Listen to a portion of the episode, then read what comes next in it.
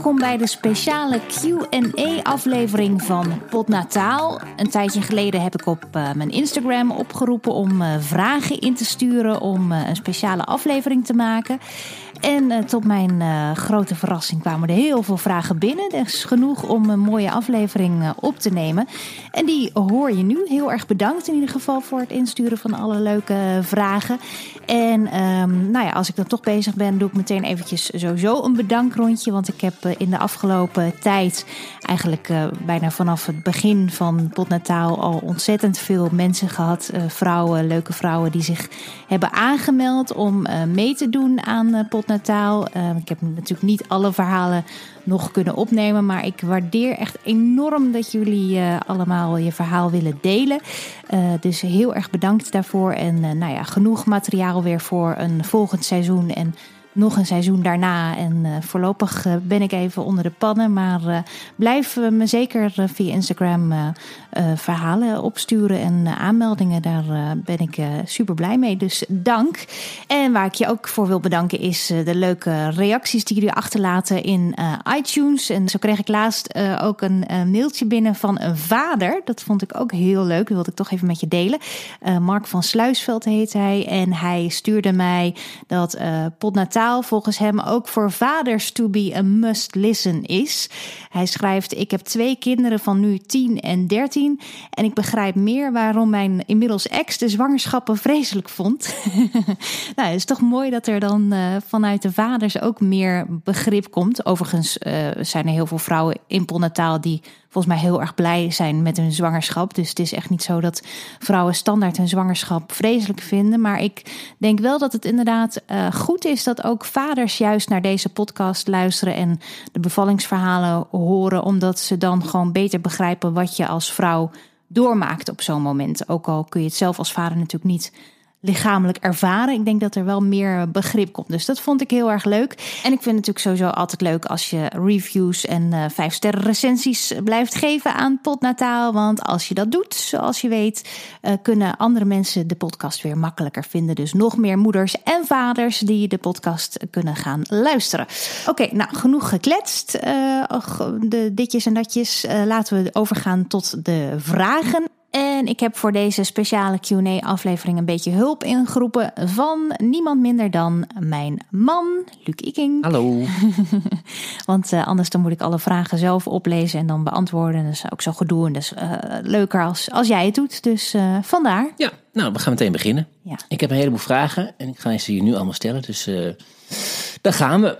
Um, het huisje van papier zo noemt zij of hij zichzelf op Instagram. En die wil weten bij welke bevalling, dus van al die verhalen die je hebt gehoord, had je bij willen zijn?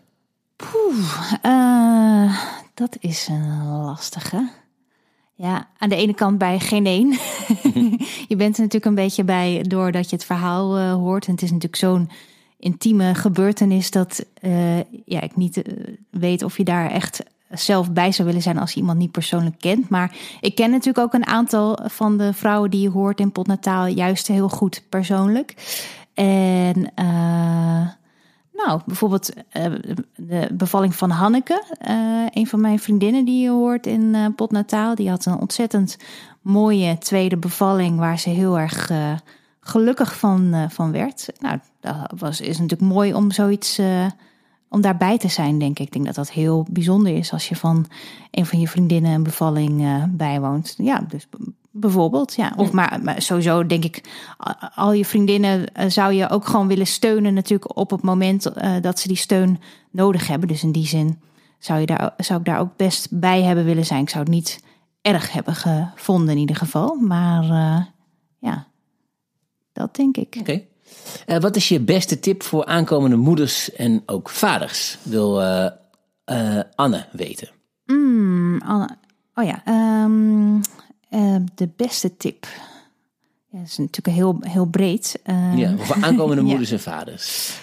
Um, nou, sowieso vertrouw op je gevoel is denk ik heel erg belangrijk. Trek je niet te veel aan van wat anderen zeggen of roepen. Ik bedoel, het is allemaal leuk en aardig en iedereen heeft wel een mening over hoe je je kinderen moet opvoeden of wat je het beste kan doen. Maar uiteindelijk is het denk ik wel heel belangrijk om op je eigen gevoel te vertrouwen. En dat is ook iets wat je heel vaak hoort uh, terugkomen in potnataal, in alle verhalen, dat uh, veel van de moeders toch uiteindelijk zeggen van nou, ik, ik voelde zelf al dat er iets niet goed zat. Of ik voelde. Hè, dus ik denk dat je echt op je moederinstinct vertrouwen, dat dat heel erg uh, belangrijk is. En dat je ook, je, je weet pas echt hoe het is om vader en moeder te zijn en te zorgen voor een kind als het zover is. Tenminste, ik heb echt ervaren bij de eerste ging ik alles lezen wat los en vast zat. Dan pakte ik ieder boek erbij. Was ik helemaal, ik moet het allemaal volgens, volgens het boekje doen. En bij de tweede helemaal niet meer, omdat je eigenlijk dan pas hebt ervaren dat al die boeken maakt eigenlijk niet zoveel uit. Je, je, voelt het vanzelf wel aan wat, wat goed is en wat niet. Ja, die tweede groeit ook voor galgenrad op. S. Grotendorst, die wil weten: is er verschil tussen de eerste en de tweede keer bevallen? En wat is dat dan? Dat wil ze eigenlijk weten. Ja, tenminste, uh, voor mij zeker. En als ik uh, afga op de verhalen van alle moeders die ik heb geïnterviewd, uh, is er bij niemand eigenlijk een, de bevalling exact hetzelfde. Dus zeker. Het grote verschil is natuurlijk bij de eerste en tweede keer dat je bij de tweede keer ongeveer weet wat je te wachten staat. Je weet wat het is om moeder te zijn van een uh, kindje. Dus je, dat gevoel van liefde heb je al ervaren en die zorg die je erbij krijgt. En uh, je weet vaak ook beter wat je wel en wat je niet wil tijdens je bevalling. Dus ik denk dat dat het, uh, het belangrijkste verschil is. Maar bij de eerste heb je nog geen kinderen, dus dan kan je ook gewoon lekker rustig die bevalling ja. naartoe leven. Dat ook, dat zeker. Maar dan weet je nog niet goed wat je te wachten staat. Kijk, en de tweede keer weet je dat ook niet helemaal, omdat je eh, de, hoe je eerste bevalling gaat, is niet per se een garantie van hoe de tweede bevalling gaat. Maar je weet wel al uh, hoe je vaak voelen. Of nou, als je direct een keizersnee hebt gehad, weet je hoe dat is. Dus je weet al wat meer over hoe je dat lichamelijk, maar ook geestelijk gaat ervaren. Dus minder spanning. Ja, anders, andere spanning. Het is niet, niet meer het grote niets. Je weet wel on, ongeveer een beetje wat er zou kunnen gebeuren. Ja. Sophie, die wil eh, weten, tijdens de zwangerschap en nu zeven weken daarna, is mijn leven één grote brain fart. Had jij dat ook? Weet niet goed wat ze meer bedoelt met brain fart. Nou, dat je gewoon dat, dat je niks meer kan onthouden en oh. uh, dat je gewoon als in een soort waas uh, rondloopt. Uh, ja, zeker. Heb jij nog steeds? nog steeds? Nee, nee, dat gaat wel weer over. Maar zeker, ja, het, zeker die eerste keer, toen had ik echt een zware bevalling. En ik weet nog wel dat ik daarna, toen ik voor het eerst weer een beetje op straat kon lopen en dat ik eventjes naar buiten ging. Nou, dat ik echt alsof ik in een soort van mist rondliep. Zo'n gevoel had ik. En toen ik voor het eerst met mijn babytje even naar een winkel ging om iets te kopen, toen heb ik volgens mij iets willekeurigs uit een rek getrokken. Ik weet niet eens. Uh, ik wilde gewoon even iets kopen, even weg zijn. En toen uh, ging ik dat afrekenen. En toen bleef ik staan bij de kassa, weet ik nog. En toen zei die mevrouw nog een keer van, nou dag. Ik zei, ja, maar ik heb nog niet betaald.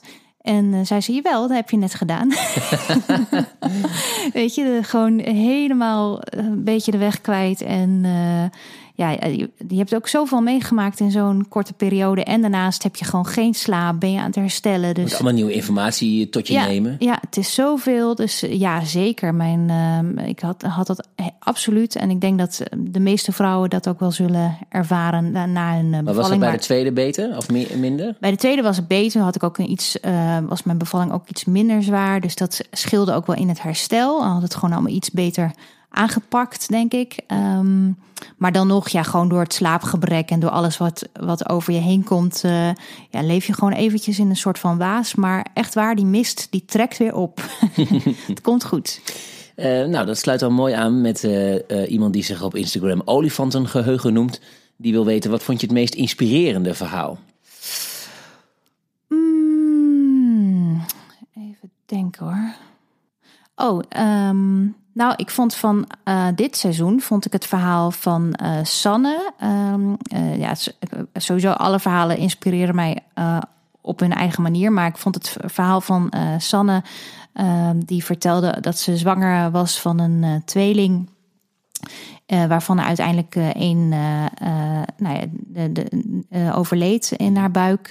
vond ik een heel sterk verhaal, vooral door hoe zij daarmee omging. Hoe, hoe positief ze eigenlijk daaruit kwam en uh, hoe goed ze dat kon vertellen. Ook op een hele, uh, ja, nou, niet luchtig, maar wel op een manier waardoor het niet zwaar werd. Want je zou bij zo'n verhaal kunnen denken: jeetje, ze is er gewoon haar kind verloren tijdens de zwangerschap. En uh, hoe kom je zoiets te boven? Maar gewoon door de manier waarop ze daarover vertelde en hoe ze daarmee om is gegaan.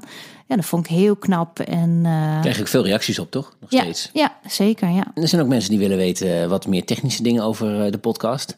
Bijvoorbeeld uh, buiten in het zuiden, zo heet deze persoon. Die wil weten hoe ben je op het idee gekomen van de podcast Potnataal?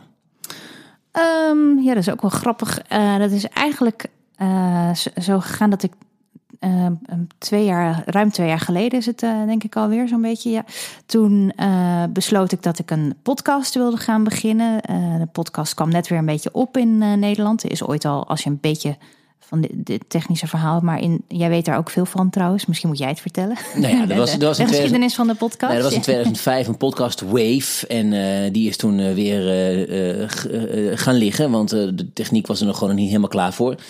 En toen begon in 2017 podcast Wave deel 2 en daar ben jij op ingehaakt. Ja, ik dacht, ja, ik ben natuurlijk van huis uit radiomaker, dus alles met audio interesseert me enorm. En uh, ik dacht, nou, het podcast, ik, ik, dat, dat is helemaal wat voor mij. Ik wil een YouTube-kanaal beginnen, dat lijkt me vreselijk. Maar podcast is echt wel mijn ding. Dus daar wilde ik me eigenlijk een beetje in gaan uh, verdiepen.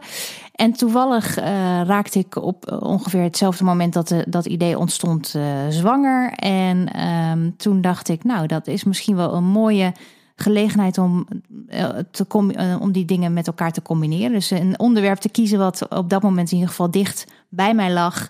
Om dat te gebruiken als aanleiding voor een podcast. Dus zo is seizoen 1 ontstaan, waarin ik uh, dus eigenlijk mijn eigen zwangerschap ging volgen en aan de hand daarvan uh, allerlei thema's rondom zwangerschap uh, aanstipte en uitdiepte met interviews met experts. Um, nou, en dat is eigenlijk heel goed bevallen. dus ja, ja. ja, ik, ik, moest het woord gebruiken. Ja, dus en zo is eigenlijk die podcast een, een klein beetje toevallig ontstaan, zou je kunnen zeggen. En nou, het sloeg aan en ik vond het zelf leuk. En nu uh, ruim twee jaar verder bestaat de podcast nog steeds. Ja, en dan wil um, Hanneke weten, hoe monteer jij een aflevering? Hoeveel knip je eruit? Hoe lang ben je daarmee bezig?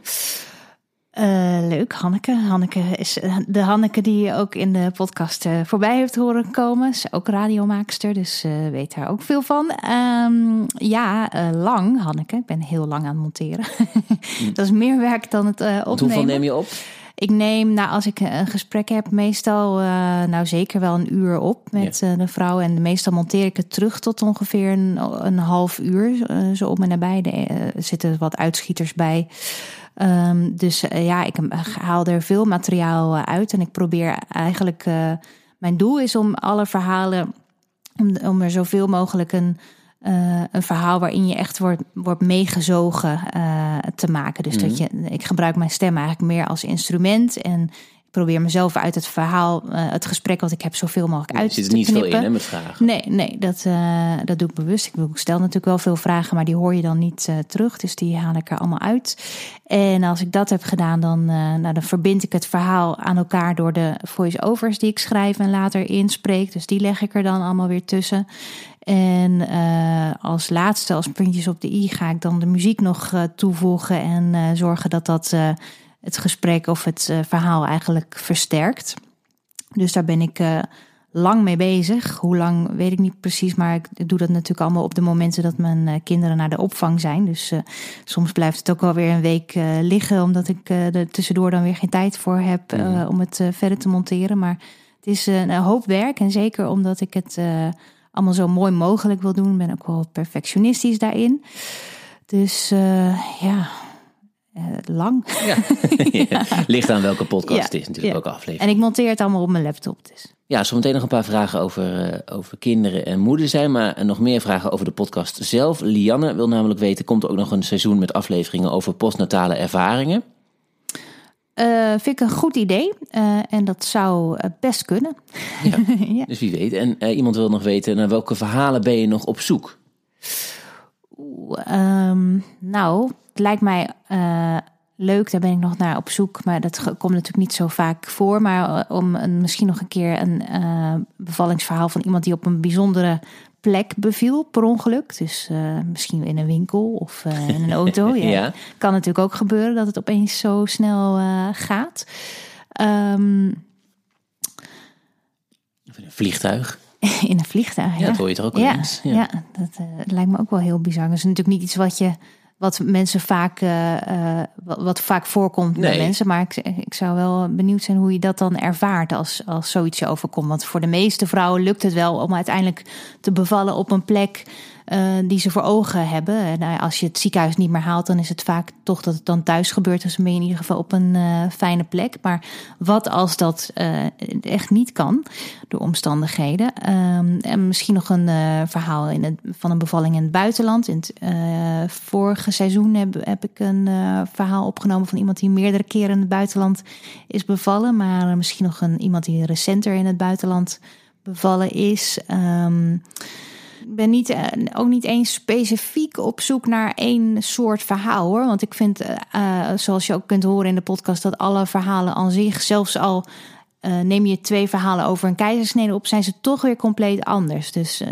het maakt gek genoeg ook weer niet zo heel erg veel uit. Iedereen, uh, ieders verhaal is op zich weer uh, bijzonder. En, uh, Iedereen heeft ook zijn eigen ervaringen. En zijn eigen ervaring en eigen beleving. Ja. En dan de laatste over de, de podcast zelf. Um, Merel wil weten welke internationale celebrity zou je graag willen interviewen voor Potnataal?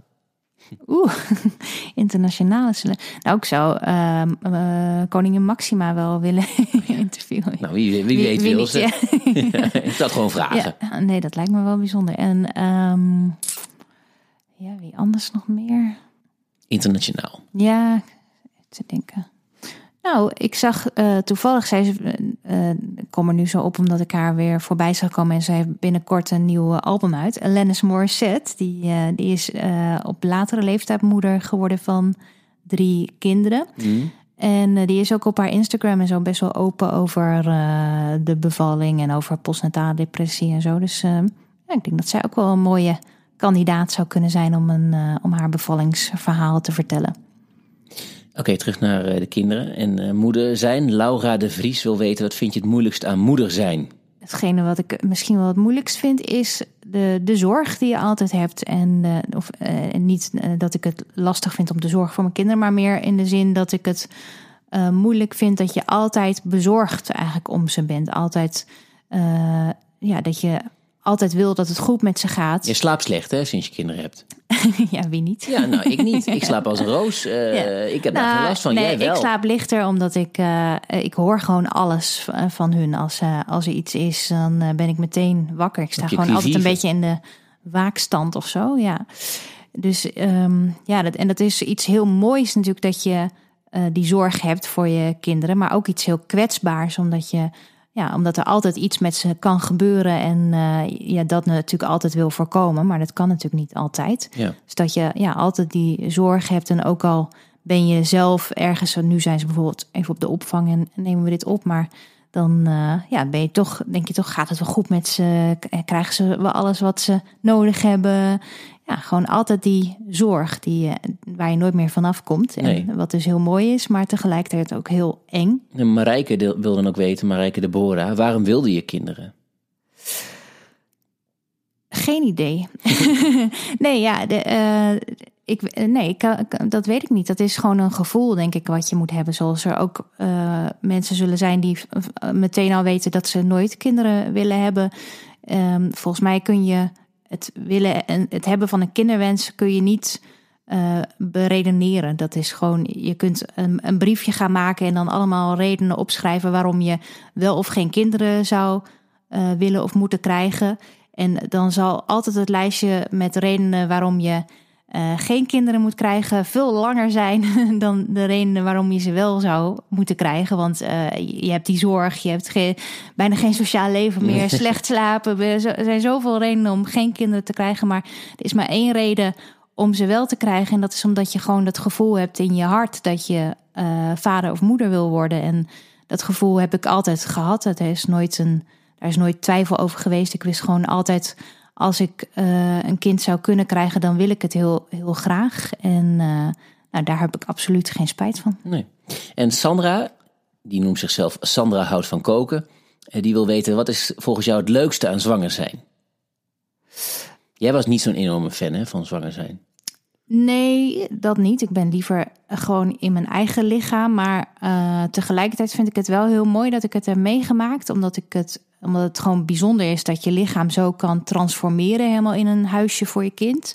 En uh, ik vond het leukste aan, denk ik ook wel, dat op een gegeven moment, wanneer de baby wat groter is, en nou eigenlijk vanaf het moment al dat je weet dat je zwanger bent, dan voelt het wel een beetje alsof je iets speciaals met je ronddraagt. Dus dan ook in de fase dat mensen nog niet aan je kunnen zien dat je zwanger bent, dan, dan voelde ik me toch al speciaal, omdat ik wist, ik heb mijn kindje de hele dag bij me en dan ga je ook ergens heen en dan ben je altijd samen met je baby waar, eh, op, op je werk of waar een dan ook. geheim. Ja, gewoon iets, ja, iets heel eh, leuks, bijzonders, wat helemaal van jou is. En eh, eh, die overal mee, met je, die overal met je mee naartoe draagt. Ja, ik weet nog wel dat de eerste keer toen wilde je het heel snel graag vertellen, want dan ben je natuurlijk blij en opgetogen. En dan, ja, volgens mij wilde je het al vrij eh, snel eh, aan mensen eh, doorkwekken. Maar bij de tweede wilde je het juist heel, wilde je het juist heel lang niet vertellen. Omdat je dat juist, ja, je vond het wel mooi om dat nog voor jezelf te houden. Ja, ja, grappig hè, hoe, hoe, verschil je, hoe verschillend je daar dan weer in kan zijn. Ja. Maar ehm, ja, nee, ik, ik denk dat ik dat gewoon het meest ja, bijzondere vind. En dat, ja, dat je lichaam dat. En je voelt, je voelt je ook. Ja, ik voelde me ook wel, ook al heb je ongemakken van zo'n zwangerschap. Ik had een relatief best wel een relaxte zwangerschap uiteindelijk hoor. Maar ook al heb je de ongemakken van, je voelt je. Vond ik toch wel eh, speciaal of zo. Ook omdat je hier en daar ook wel een, een eh, speciale behandeling krijgt soms. Ik bedoel, je mag op speciale sowieso. plekken in. eh, ja, Ik hield altijd de deur voor je open. je mag op speciale plekken zitten in het openbaar vervoer. Alhoewel niet iedereen zich daaraan houdt. Hè? Want ik heb ook echt wel eens hoogzwanger in de trein gestaan. En dat er dan echt gewoon niemand eventjes zei van... wil, wil je misschien even zitten? Maar ja, je voelt je gewoon wel... Mensen kunnen aan je zien op een gegeven moment dat je zwanger bent. En dat is... En als je trots... Je bent toch trots op dat je een kindje krijgt en dat je Ja. moeder wordt. En dat is, dat is wel bijzonder. Ehm, over het eh, bevallen. Guusje wil weten, hoe kijk je terug op de zorg van je eerste lijns verloskundige? Wat is de eerste lijns? De, de eerste verloskundige die, eh, die erbij Oh ja, stond. Ja, Logisch, ja. ja. Eh, heel, heel goed. Ehm, ja, ik had eh, leuke verloskundigen. Ik ben, ben natuurlijk in het ziekenhuis. Er werd natuurlijk uiteindelijk een medische bevalling. Dus dan kom je bij de gynaecoloog. eh, waar ik ook heel tevreden eh, over was en ben. Mhm. Maar eh, ja, de verloskundige die mij toen op dat moment begeleidde... toen mijn bevalling nog natuurlijk leek te gaan... eh, ja, was een heel prettig iemand. En later, eh, ja, dan, die wordt dan overgedragen natuurlijk aan het ziekenhuis. En dan zie je haar later pas weer terug. Eh, als je in je kraamweek eh, zit, dan komen ze nog even een check-up doen. Maar ja, ik heb daar gewoon een goede ervaring mee. Ik vond wel, die, bij die, vooral bij de eerste, kijk bij de tweede was het een, ehm, een eh, keizersnee die, eh, die gepland was. Dus dan gaat het allemaal super rustig. Dat was bij de eerste niet. En op een gegeven moment waren er zoveel mensen bij. Dat je echt dacht van, nou, ik weet niet, ben jij, ben jij hier, eh, kom je even de boel, dat kamertje schoon bezig? Of, of, of hoor je ook bij die bevalling? Ja, ja, ja. Er waren zoveel mensen. Dus ik zou niet meer precies weten wie- nou wat deed. Anouk Tikken wil weten, hoe zijn jullie op de kindernamen gekomen? Onze kinderen heten Liewe en Jelka. Nou, Niet die van Anouk, maar die van ons. eh, we hebben volgens mij 5000 namen doorlopen in zo'n namen Zo'n databank. site, Ja. Nou, eh, hoe, hoe wij het tot nu toe altijd hebben gedaan, is dat je gewoon. eh, ik maakte dan een bestandje aan, een gedeeld bestand. En dan ging ik dan alle namen die ik tegenkwam en die ik mooi vond, ging daarin bewaren. En ondertussen gingen we steeds maar al die namen doornemen. Dat wilde jij vooral, want jij was bang dat. Als je niet die hele namen databank doorlo zou doorlopen, dat je dan misschien de allermooiste naam zou Ja. missen. Ja, je moet, ja, dat klopt, ja. Dus eh, ja, we hebben heel lang eh, gezocht. En dan was er een lijstje met namen die daar dan uitrolden. En die lieten we bezinken. En toen op een gegeven moment bleef Liewe bleef hangen. Die heb jij toen gevonden. ja. En toen gingen we daarover nadenken. Toen bleef, die bleef gewoon plakken bij ons. Nou, ik weet nog hoe het ging. Ehm, dat wij zaten op zaterdagavond aan tafel. Liewe kwam te sprake, hè, de naam. Ik gooide hem op. Toen is hij in eerste instantie, eh, hebben we hem afgeketst.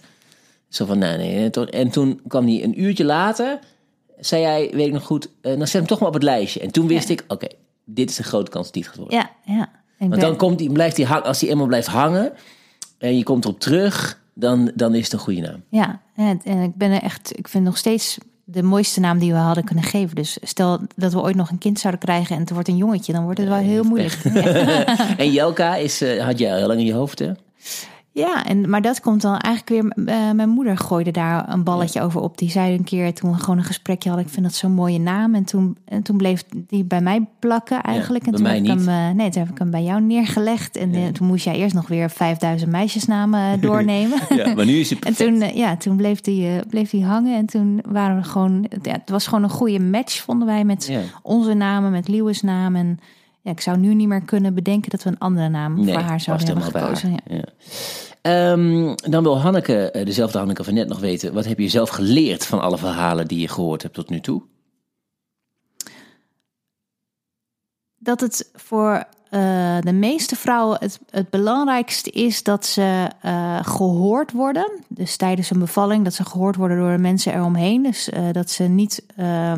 Eh, nou, er zijn een paar verhalen waarin, waarin dat misgaat. Hè. Dus dat, eh, dat vrouwen aangeven dat ze iets voelen dat er iets mis is met de baby. Of dat ze eh, voelen dat ze gaan bevallen, maar dat er gewoon niet goed naar hun wordt geluisterd. En dat, dat, dat dat iets is wat nou, misschien voor de deskundigen zeg maar, heel belangrijk is. En om zich te realiseren dat, ja, dat vrouwen zich goed gehoord voelen in hun gevoel. Dus dat, er niet wordt, eh, dat ze niet worden weggewimpeld van eh, nee hoor, dat, eh, het klopt niet wat je nu voelt. En hè, dus dat, dat daar goed geluisterd naar wordt. En dat vrouwen ook. ja, dat het belangrijk is dat je het gevoel hebt dat je in, in zekere mate nog een soort controle hebt over je bevalling.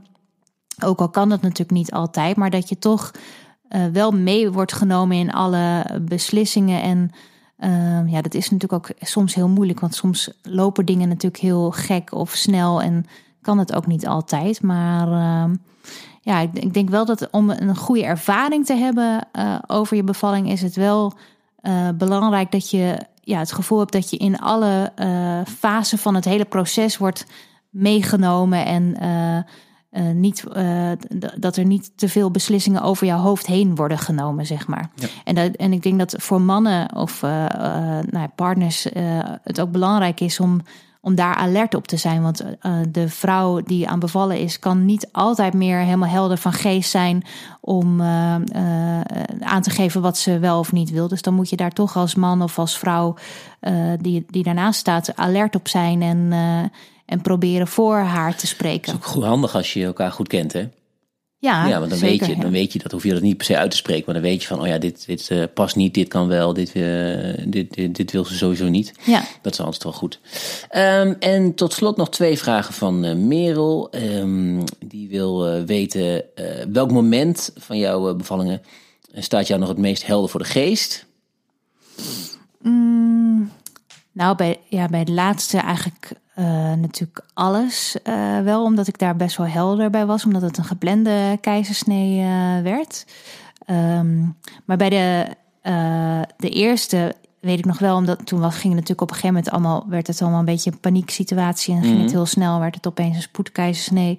En nou, dus dan, dan is het een, zit je in een hele rare waas. Maar ik weet nog wel heel goed dat eh, hij toen uit mijn buik... ze hadden toen nog wel zo'n schermpje eh, eh, over mijn buik heen gespannen... en dan doen ze een luikje open en dan kan je het zien op moment... Ja, ze doen niet in je buik een luikje open, maar in het zeiltje wat ze ervoor Ja, hebben ja, dat, gespannen. dat bedoel ik. Zei ik dat dan? in- Nee, maar het is ook wel ja. over.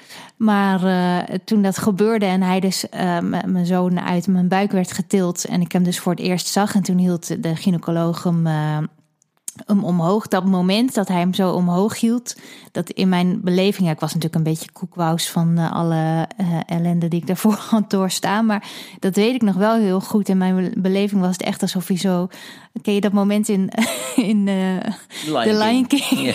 Dat het leeuwenwelpje zo omhoog wordt gehouden. Zo, ah. En zo, zo voelde het een beetje zo, ah, hier is hij. En zag ik die, die, die, die baby daar zo en dacht, wow, dit is, dit is mijn kind. Echt helemaal zo, dat was zo bizar. Eh, dus dat staat me uiteraard nog eh, glashelder, eh, voor zover ik helder was voor de geest. En ja, ja mijn tweede bevalling ging allemaal veel rustiger wat dat betreft.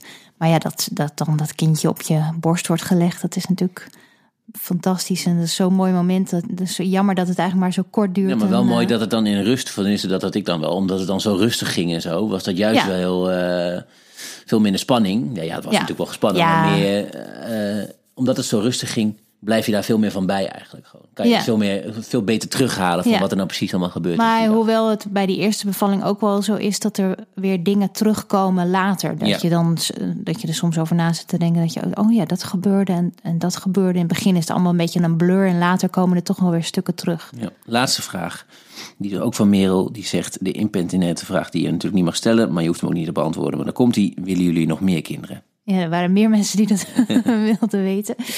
Ehm, dat weten we niet eigenlijk. Eh, we zijn heel erg blij met eh, ons gezin nu. We hebben twee super leuke, lieve, mooie kinderen die eh, hartstikke gezond en vrolijk en happy zijn. En daar zijn wij meer dan blij mee en dankbaar voor en dat soort dingen. Ehm, maar ja, het is nog steeds wel af en toe dat je wel eens denkt: ach, zo'n klein babytje hoe leuk zou het zijn? Tuurlijk, dat ik, misschien heeft iedereen dat ook wel. eh, die kinderen heeft, dat je dat misschien altijd wel, misschien als je 80 bent, dat je nog wel staan.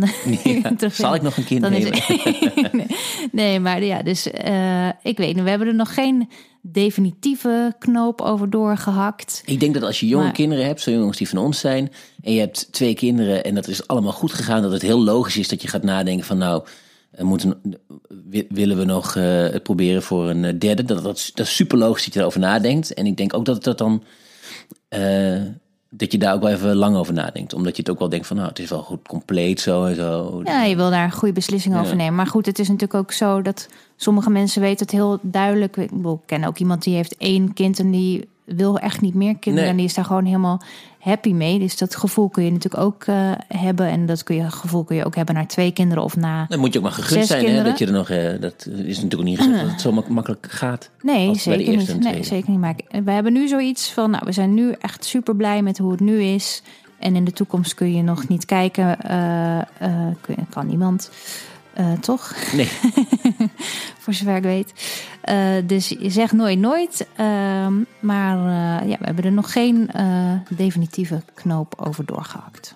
Nou, dat waren ze wel zo'n beetje. We hebben niet alle vragen kunnen beantwoorden, want eh, dat zouden er wel heel veel worden. Wordt het een hele lange Q&A-aflevering, maar eh, ik ben blij dat jullie zo enthousiast die vragen hebben ingestuurd. Dus wat mij betreft de reden om het eh, nog een keertje te doen in de toekomst. Ik ga weer hard aan de slag om mooie verhalen te verzamelen voor seizoen 4. Die komt er zeker. Wanneer de release is, dat hoor je van me. Check gewoon mijn Instagram. Daar zal ik het op melden. Dat is Simone Wijnands. Nou, dankjewel. Dankjewel ook eh, aan mijn gast voor deze Q&A-aflevering. graag gedaan. Dank voor het luisteren en tot de volgende. Doeg!